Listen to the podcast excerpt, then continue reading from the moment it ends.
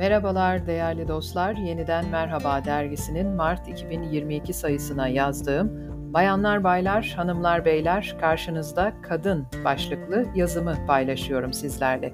Bir sonraki ay farklı bir bölümde buluşmak dileğiyle hepinize sevgilerimi gönderiyorum.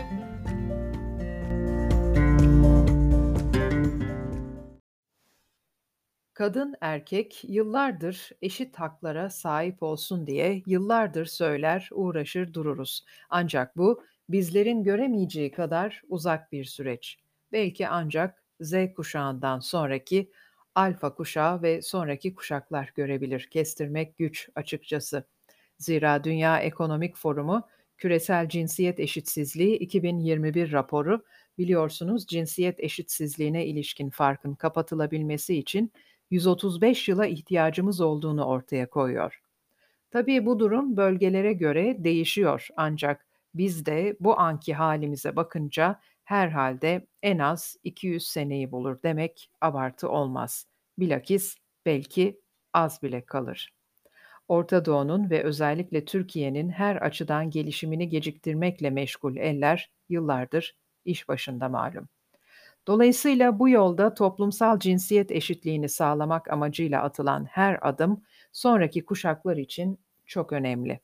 Her dönem gündemlerimizi ziyadesiyle meşgul eden, günlük yaşamda, iş dünyasında sıkça karşımıza çıkan bayan sözcüğünün yanlış kullanımına bu anlamda son kez yer vermek istedim. Kimi diyor ki feministler bayan sözcüğünün kullanılmasını istemiyor. Kimi diyor ki efem kadın sözcüğü kaba kalıyor.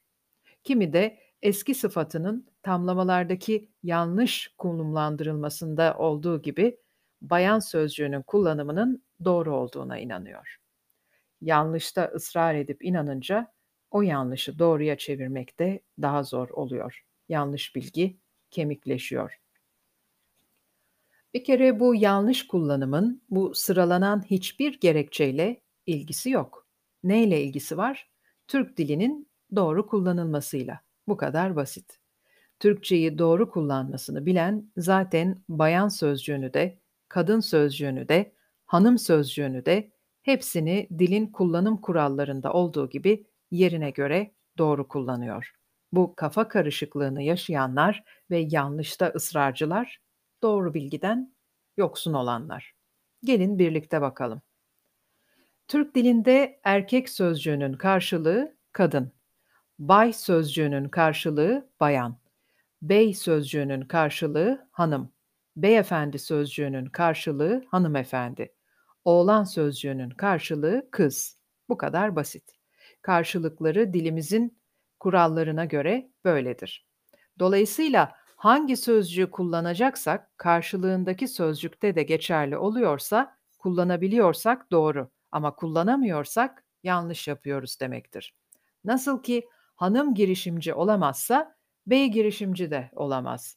Nasıl ki bayan şoför olamazsa bay şoför de olamaz.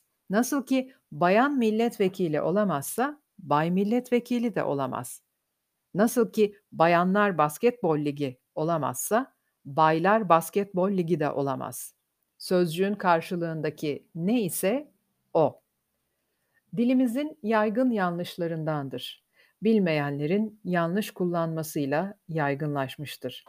Belirttiğim gibi bazısı da ki hatrı sayılır bir çoğunluk kadın sözcüğünün komiktir ama kullanım olarak kaba olduğunu bile ileri sürecek kadar işi alakasız bir zemine sürüklemiştir. Halbuki ne kaba olmasıyla, ne feminizmle, ne de başka bir bahaneyle ilgisi vardır. Bilgisizlikten. Bilen zaten doğru kullanıyor söylediğim gibi. Bay tuvaleti olamayacağı gibi karşılığındaki sözcük olan bayan tuvaleti de olmaz. Kadın tuvaleti, erkek tuvaleti olması doğru olan. Bir diğer yanlış kullanımda olduğu gibi. Erkek sözcüğünün dilimizde karşılığı kadındır. İlla cinsiyet belirtilecekse yukarıda paylaştığım örneklerin düzeltilmesi anlamında kadın girişimci erkek girişimci, kadın şoför, erkek şoför, kadın milletvekili, erkek milletvekili, kadınlar basketbol ligi, erkekler basketbol ligi. Elbette doğrularıdır. Bay diyebiliyor muyuz bu kullanımların herhangi birinde? Oluyor mu? Olmuyor. Olmuyorsa bayan da kullanamayız. Yanlış kullanımdır. Çünkü bir kez daha söyleyelim, bıkmadan dilimizde kadın sözcüğünün karşılığı erkektir. Bayan değil. Bayan bay sözcüğünün karşılığıdır.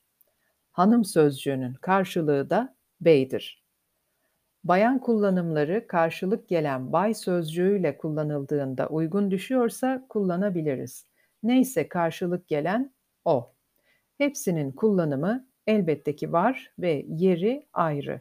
Kız çocuğu, oğlan çocuğu gibi.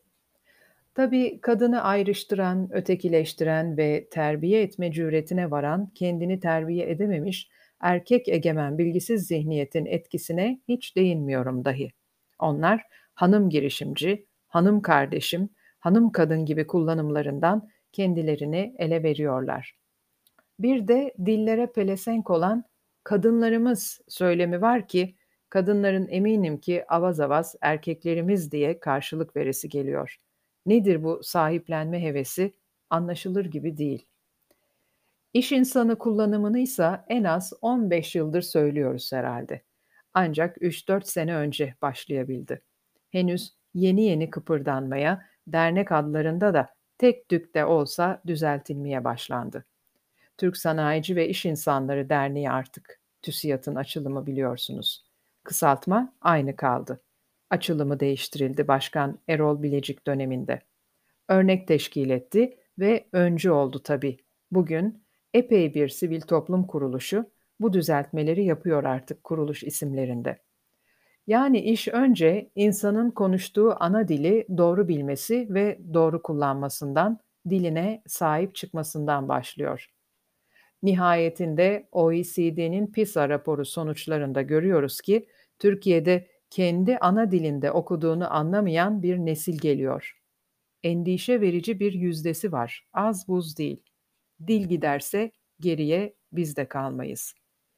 Dil de, dili doğru öğretebilmek de o kadar önemli. Ruhu şad olsun, Türk Einstein lakaplı Profesör Doktor Oktay Sinanoğlu'nun zamanında altını çizerek söylediği gibi. Bir ülke işgal edilebilir, kurtulabilir.